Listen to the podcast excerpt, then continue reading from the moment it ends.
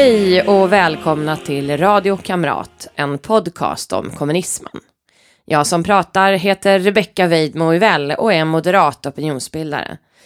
Jag är även kandidat till riksdagen för Moderaterna i Stockholms stad.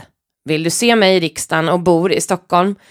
Gå med i Moderaterna och kryssa mig i höstens provval för medlemmarna. Syftet med Radio Kamrat är att fylla det hål av kunskap om kommunismens förtryck som finns och som gör att kommunister trots all fakta ändå anses rumsrena. Jag vill med poddserien därför folkbilda. Podden är ett bidrag till upplysning om kommunism och kommer sändas varje onsdag till valet 2022. Vill ni som stödjer mitt initiativ om folkbildning om kommunism bidra kan ni swisha till 123 444 5847 eller bli Patreon på patreon.com och sök efter Rebecca Weidmo Uvell så hittar ni mig där. Sponsra med en dollar per månad och valfritt belopp. I förra avsnittet fick ni höra på historien om planetens kanske märkligaste land, Nordkorea. Trots att befolkningen är inlåst i världens största fängelse har vissa dock lyckats fly. Det här avsnittet tar upp några av de vittnesmålen och berättelser om ofattbart förtryck och umbäranden. Livet i Nordkorea.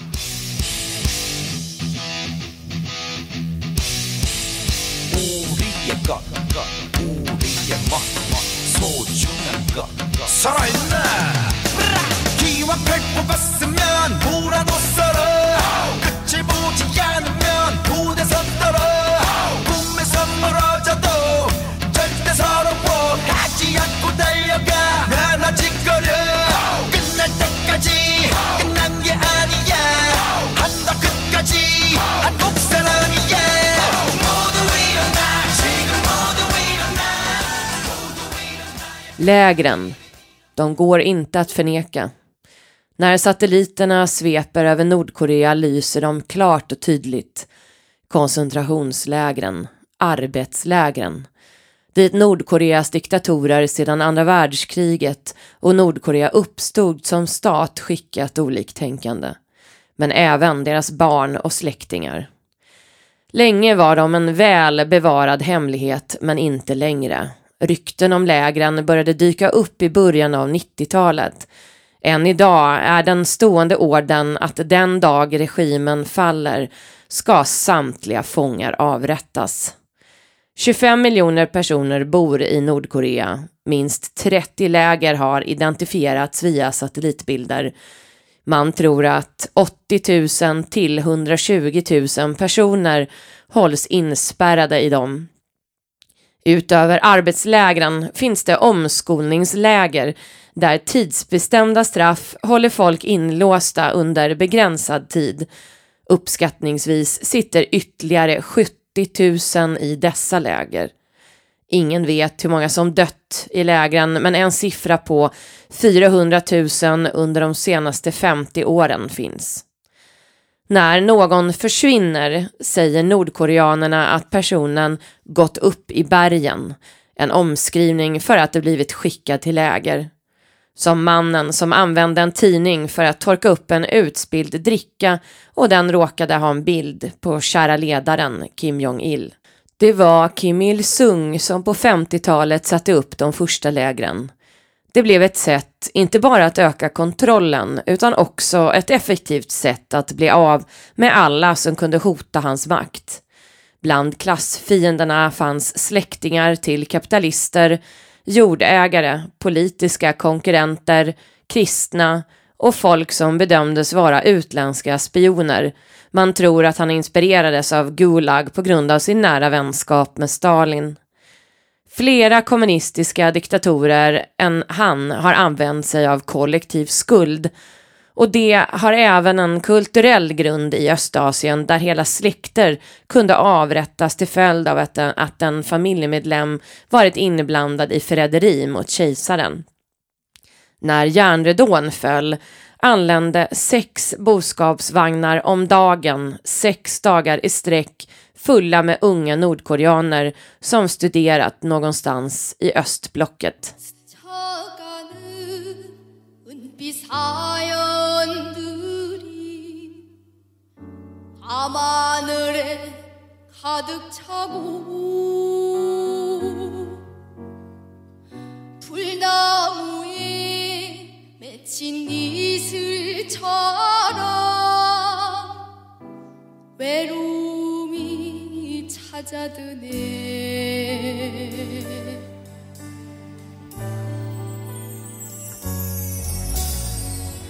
별 따라간 사람 불러보다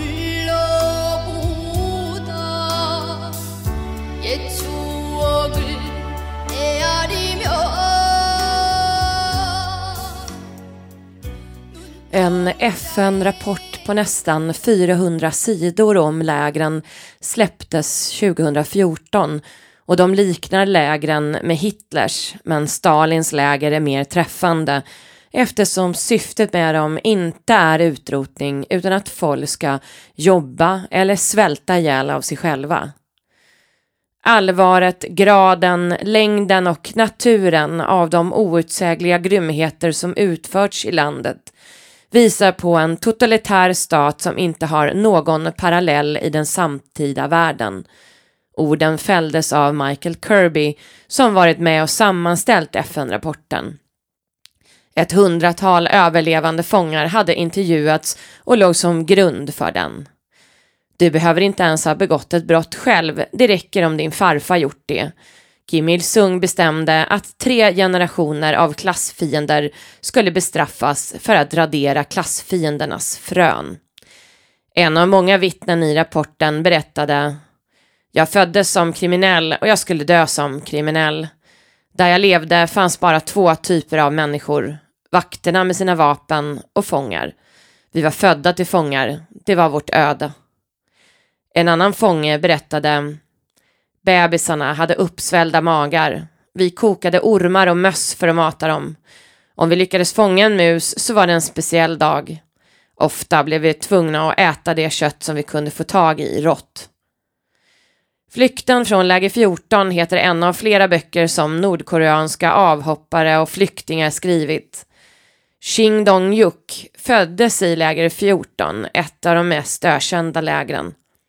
Han bevittnade att en sjuårig flicka blev ihjälslagen för att hon spilt ut några sädeskorn på marken. När han själv senare tappade en symaskin i golvet sa vakten åt hans chef att skära av honom fingret, vilket de gjorde.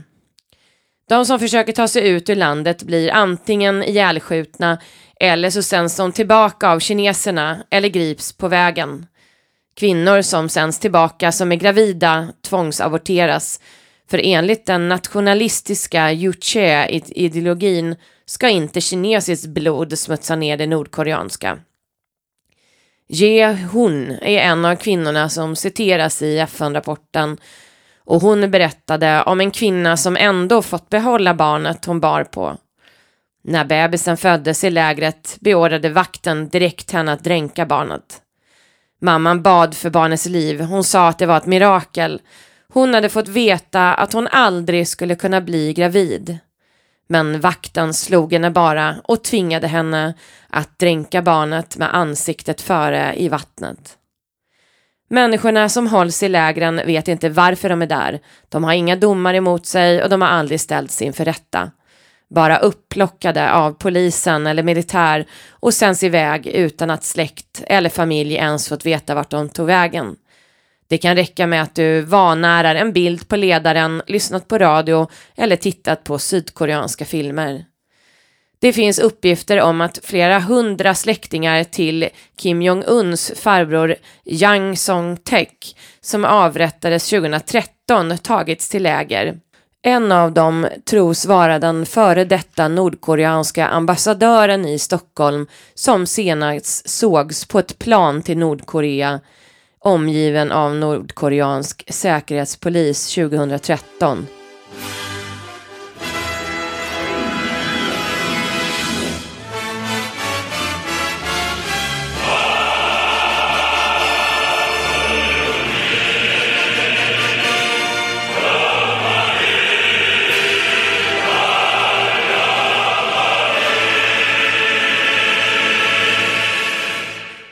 Vittnen. Ett av de tidigaste vittnesmålen kom från Kang Shol-wan som år 2000 kom ut med boken The Aquariums of Pyongyang. Han hamnade som nioåring med sin familj i lägret Yodok 1977. Han satt där tio år med sin farmor, pappa, två morbröder, lilla syster. Mamman tvingades skilja sig från pappan och stannade kvar i Pyongyang. Han fick gå i skolan men alla barn tvingades att arbeta efter skolan på jordbruk eller i skogen och mat delades ut efter arbetsinsats. Lärare och vakter slog fångarna och barnen när de ville och hur de ville. Det farligaste jobbet var gruvorna och Kang berättade om kompisar som begravs levande av lera när de arbetade där. Han åt allt som han kunde få tag i och om han lyckades fånga en ödla svalde han den hel eftersom de smakade illa men han beskrev ödlorna som en vitamininjektion i den svältfödda barnkroppen. Detta kan man läsa om i en genomgång av Nordkorea som publicerades på Timbros hemsida 2018 skriven av Kristina Sandklef. En lägervakt som arbetade i ett av lägren beskrev att han möttes av vandrande skelett, krymplingar och dvärgar klädda i trasor och uppskattade att mellan 1500 och 2000 barn dog av svält i lägret varje år medan andra fångar dog av hårt arbete och våld från vakter i kombination med svält. Lägren är oftast gigantiska. Jodok till exempel är utspritt på 378 kvadratkilometer. Hoerjong-lägret är lika stort som Los Angeles. Fångarna bor i byar i lerhyddor långt ifrån varandra. Man kontrollerar lägren genom ett noga utbyggt angiverisystem där angivarna får lite bättre tillvaro i lägret och därför behöver man inte ha så många vakter. Systemet reglerar sig självt inifrån så att säga. Fångarna används inte bara till straffarbete. Det har även förekommit medicinska experiment och enligt avhoppare fanns det i Hoirong en stor glasbur där man testade gaser på folk, förmodligen kemiska stridsmedel. Fångar användes även för kirurger att testa på under utbildning där vissa dog och andra fick men för livet.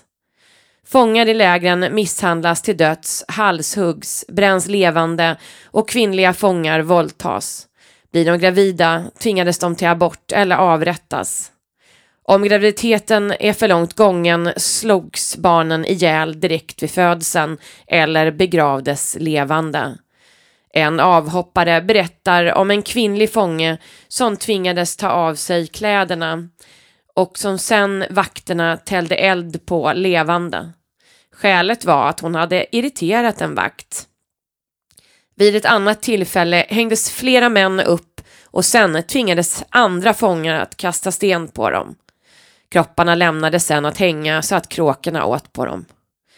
Fångar som högg ner träd i skogen var så hungriga och utmärglade att de inte hann flytta sig när träden föll och vakterna roade sig med att se på och skratta när fångar dödades under fallande träd. Döda fångar i lägret lades bara på hög eftersom marken var frusen. Ibland hördes jämmer från högen av människor som ännu inte dött men som ändå begravts under lik. De frös ihjäl. Park Yeon-mi heter en av dem som lyckats fly. Hon lyckades ta sig till Kina 2007 efter att hennes pappa dömts för smuggling och skickats till läger. Hon lever idag i Sydkorea. North Korea is an unimaginable country. There is only one channel on TV. There is no internet. We aren't free to sing, say, wear, or think what we want. North Korea is the only country in the world that executes people for making unauthorized international phone calls. North Koreans are being terrorized today. I just had no option. I didn't have anything to eat. I was starving there. I was eating dragonflies, eating frozen potatoes, Why was there no food, Yeonmi? because the governments they they don't provide any rations anymore. So people had to defend for themselves. But we are not allowed to move. we are not go to traveling. We are not go to allowed to go outside of countries. So just basically we were just nothing there, no freedom, and we were not allowed to do anything, not even wearing this earring. En annan överlevare heter Charles Rui. I knew that if I was caught, I'll be killed. I was born to a Chinese father and North Korean mother. But when I was five, my father abandoned us and left to China and never returned. And lost my mother six years later from starvation. So I ended up living with my aunt until my father sent my stepbrother to take me to China. So I ended up in my father's place in China in 2008. Life in China was so much better. I was so happy because I was living my life in freedom. But the happiness that I felt in China was only temporary because Chinese government didn't recognize North Koreans as refugees and they deported back us to North Korea. The North Korean government wanted me to confess that I was trying to defect to South Korea. But the truth was I went to China to find my father. I had no desire to defect and beg them to understand. I didn't confess, and after beating me for weeks, they sent me to labor camp. I was only 15. In the labor camp, I was only allowed to eat 150 kernels of corn a day. One morning, we were marching in our roast, our work site, and I saw a dry vomit on the road. I was so hungry that I got on my hands and knees and began picking the rice out of the vomited rice. I didn't stop eating the vomited rice until the beating from the guards were too unbearable. Eight months later, I was finally released because I couldn't even stand up or even lift my arm. After spending months trying to regain my strength, I needed to find a job. I began working in a coal mine where I was paid only in rice. Cave ins were common, and I saw other boys lose their arms and legs as they're smashed into the rocks. And I watched my friend die when the coal cart fell off the track and crushed him. I worked in the mine about a year, and I realized it was my time. Media. Man får besöka landet, men bara under strikt övervakning. Dagens Nyheter publicerade 2017 ett resereportage från Nordkorea. Där står det Förutsättningarna för vår resa är glasklara från myndigheterna. Vi får resa på egen hand och besöka under en vecka, men naturligtvis med följeslagare som hänger oss tätt i hasorna. Vi får bara se platser som våra värdar vill att vi ska se. Med våra ledsagare kan vi aldrig diskutera de arbetsläger med mellan 80 000 och 120 000 fångar som den totalitära regimen enligt en FN-rapport från 2014 håller instängda. Vi får inte tillfälle att träffa något av de barn, nästan hälften i landet, som FN rapporterat lider av kronisk undernäring. Ett tillstånd som förutom fysiska skador riskerar att påverka deras intellektuella utveckling. Men ingen uppgift är för stor för käre ledaren. Här hör ni ett sällsynt engelskspråkigt klipp när Kim Jong-Il besöker landsbygden under svälten på slutet av 90-talet. In the latter half of the 1990s, when Korea was on an arduous march and forced march because of the US imperialist maneuvers to isolate and stifle the republic, and because of the natural calamities, Kim Jong il visited the workers and other people of Chagang province.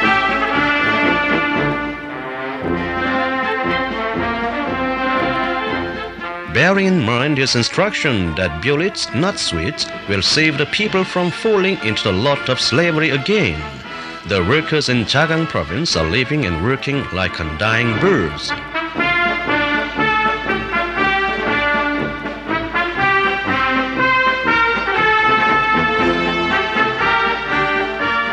The workers and other people of Chagang province strive under the motto, Let us go smiling, though the way is thorny. Although they are too hungry to stand up, they tighten their belts by their machines, asking for work to do. En person som tyvärr fick erfara vad som händer om man inte följer reglerna slaviskt när man besöker Nordkorea var den unga amerikanska studenten Otto Warmbier. Han var 22 år när han skulle resa från USA till Hongkong för att studera och bestämde sig för att besöka Nordkorea på vägen. Han bokade en resa via resebyrån Young Pioneer Tours. Den 29 december 2015 flög han från Peking till Pyongyang med sin grupp, vilket inkluderade tio andra amerikanska turister för en fem dagar lång resa till Nordkorea. Alla utlänningar måste bo på Yangkad-do International Hotel där de övervakas. Gruppen firade nyår och fortsatte att festa på hotellet när de kom hem. Det var tidigt på morgonen som det hände. Enligt nordkoreanska myndigheter försökte Otto Warmbier stjäla en propagandaaffisch från en del av hotellet dit utlänningar inte fick gå. Att ta eller förstöra propaganda anses som ett grovt brott och Warmbier fångades av hotellets kameror. Den 2 januari 2016 när han skulle flyga hem arresterades han på flygplatsen. En av deltagarna sa No words were spoken. Two guards just came over and simply tapped Otto on the shoulder and led him away. I just said, kind of a, quite nervously, Well, that's the last we'll see of you. There's a great irony in those words. That was it. That was the last physical time I saw Otto, ever. Otto didn't resist. He didn't look scared. He sort of half smiled. Under sex veckor vägrade nordkoreanska myndigheter att berätta varför de arresterat Otto Warmbier, bara att det hade varit en incident på hotellet. Under en presskonferens den 29 februari 2016 läste Otto Warmbier upp ett förberett uttalande där han erkände att han försökt stjäla en propagandaaffisch från andra våningen på hotellet i ett område dit bara personal fick vara. Han hävdade att skälet var att han ville stjäla den åt metodistkyrkan i sin hemstad och åkt ett hemligt sällskap på universitetet Virginia som skulle samarbeta med CIA. Man misstänker att erkännandet var framtvingat. Den 16 mars 2016 dömdes han i en rättegång för brott mot artikel 60. He walks stiffly into the room, head bowed, flanked by his North Korean guards. Then, 21 year old American Otto Frederick Warmbier, a student at the University of Virginia, appears to break down. I entirely beg you, people and government of the DPR Korea, for your forgiveness.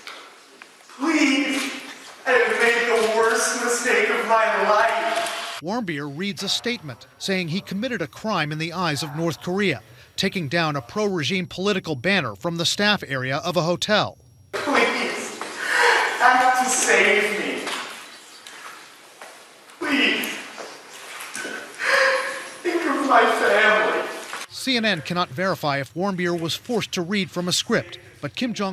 Han dömdes till 15 år i arbetsläger. Efter 17 månader i fängelse släpptes han. Då var han i ett komaliknande tillstånd och var både döv och blind. Han flögs till Cincinnati.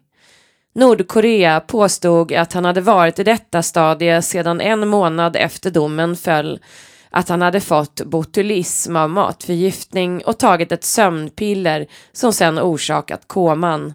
Amerikanska läkare konstaterade att han var i ett vegetativt tillstånd där han kunde andas och blinka men inget annat. Man drog slutsatsen att mycket av hjärnan skadats till följd av syrebrist orsakad av andningsuppehåll. Några tecken på botulism hittades inte. Man hittade inte heller tecken på våld, inga gamla skador som läkt vare sig på kroppen, nacken eller huvudet. Den 19 juni 2017 stängde man av de livsuppehållande apparaterna. Läkaren gissar att han skulle kunna ha drabbats av en blodpropp, njursvikt, lunginflammation eller sepsis. Ingen vet vad som hände Otto Warmbier förutom de nordkoreanska myndigheterna. En koreansk-amerikansk affärsman som hölls samtidigt som Warmbier säger att han utsattes för vattentortyr och han sa att han hade sett en vit man, förmodligen Warmbier, dras livlös längs korridoren med blött ansikte. Ett annat stort frågetecken är varför han tog den risk han gjorde på hotellet. Enligt en SVT-artikel från 2017 berättas det om den mytomspunna saknade våning 5 på hotellet. För hissen stannar inte på våning 5. Det finns filmer och bilder på nätet som uppges vara från den mystiska våningen. Man tror att den våningen är till för all övervakning av alla som bor på hotellet och att våningen har mängder med propaganda för att de ledsagare och andra som följer med turisterna inte ska lockas att tappa fokus. Och att leta efter den femte våningen är något andra har gjort. Ett annat rykte om Yang Kagdo är att utlänningar som arresterats vittnat om att de aldrig lämnat hotellet, att hotellet har fängelsedelar gömda. Efter Otto Warmbiers död slutade resebyrån i USA att sälja resor just till Nordkorea.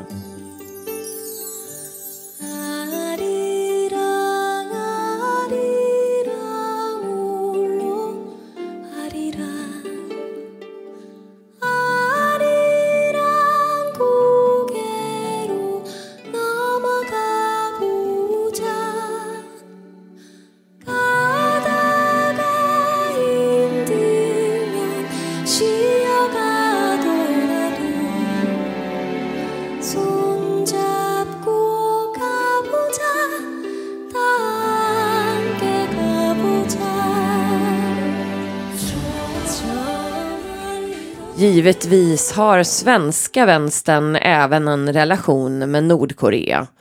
I en artikel i Svenska Dagbladet ledare från september 2017 står det Vänsterpartiet kommunisterna och jag personligen gratulerar dig hjärtligt med anledning av din 75-årsdag och vill uttrycka vår höga värdering av de stora insatser du gjort under decennier för Koreas arbetarklass och i den världsomspännande antiimperialistiska kampen, skrev Lars Werner i ett gratulationstelegram till Kim Il-Sung 1987.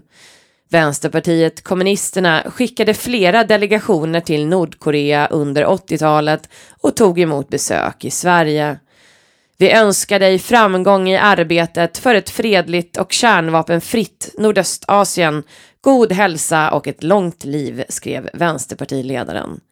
Dagen efter provsprängde Nordkorea kärnvapen. 1987 hade före detta partiledaren för Vänsterpartiet, eh, Jonas Sjöstedt, varit medlem i tio år redan.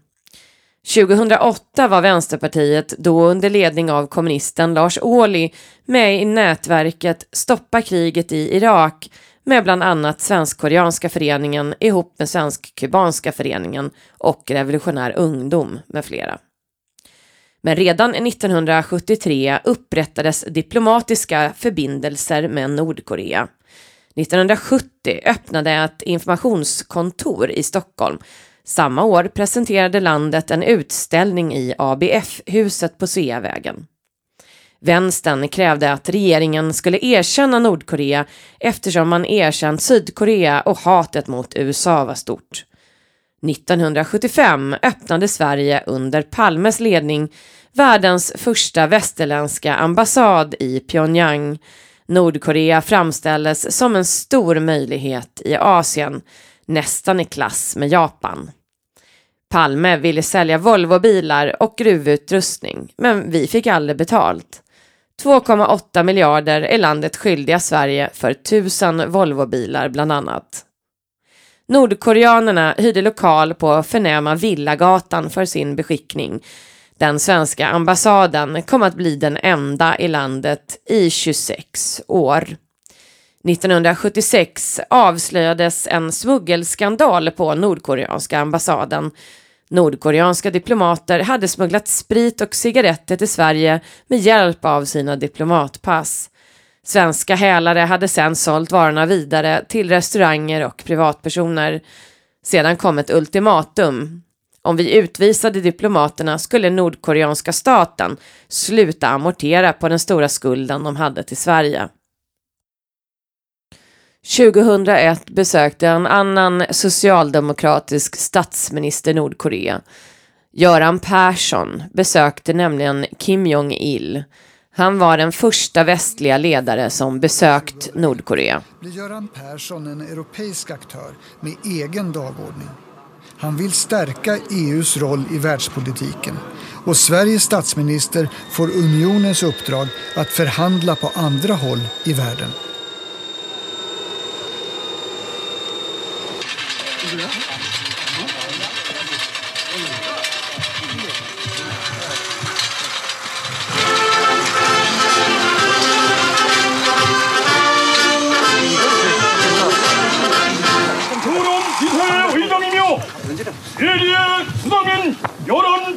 필선각하 전민군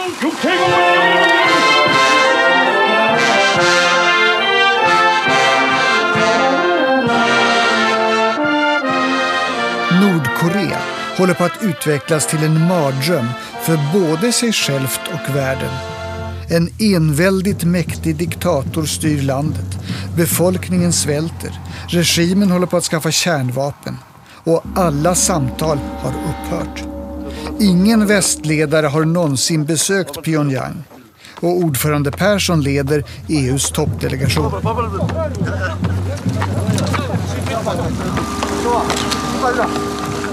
Först landar man på en gigantisk flygplats. Jag tror aldrig att jag landat på en flygplats med en längre landningsbana. Det tog en kvart att taxa in till stationsbyggnaden. Där möts jag av det mest massiva uppbåd jag någonsin har mötts av. Av dignitärer, militärer, blåsorkestrar och medborgare på plats för att hälsa den store svenska ledaren. Den store svenska ledaren och käre ledaren. Vilket par. Socialdemokraterna har fortsatt en nyfiken relation på världens största fängelse. Vi är fortsatt idag en av de största biståndsgivarna i Nordkorea och ger 40 miljoner per år.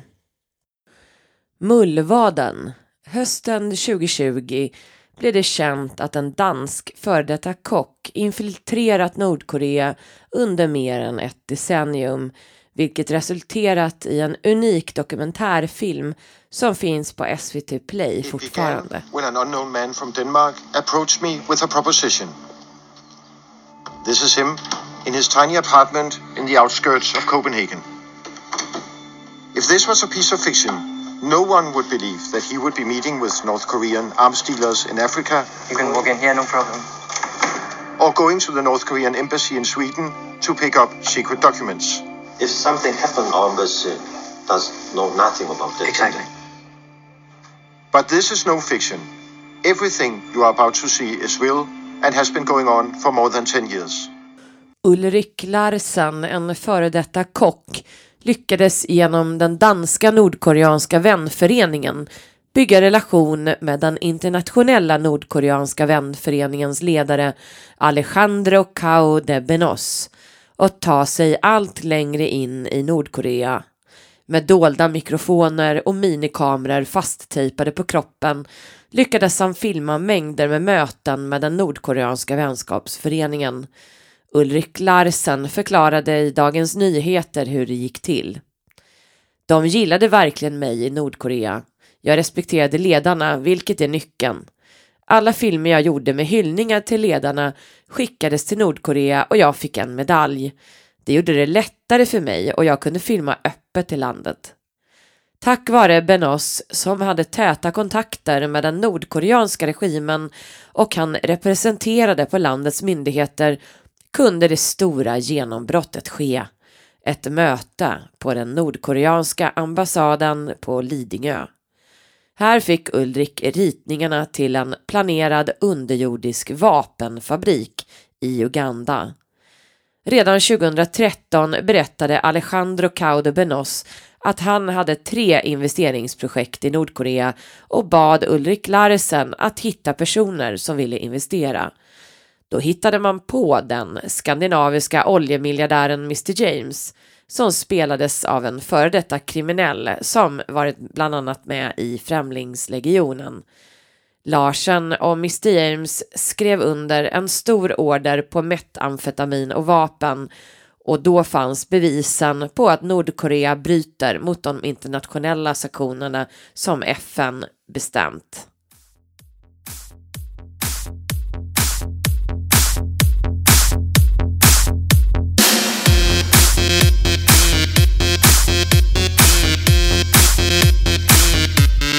알랑가몰라 왜 화끈해야 하는 건지 알랑가몰라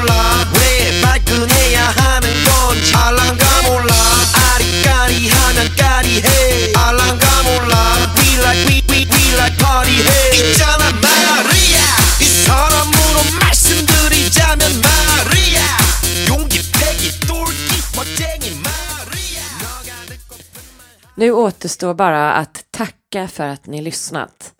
Vill ni stödja mitt projekt för upplysning om kommunism kan ni swisha till 123 444 5847 eller bli Patreon på patreon.com och sök efter Rebecca Weidmo Uvell.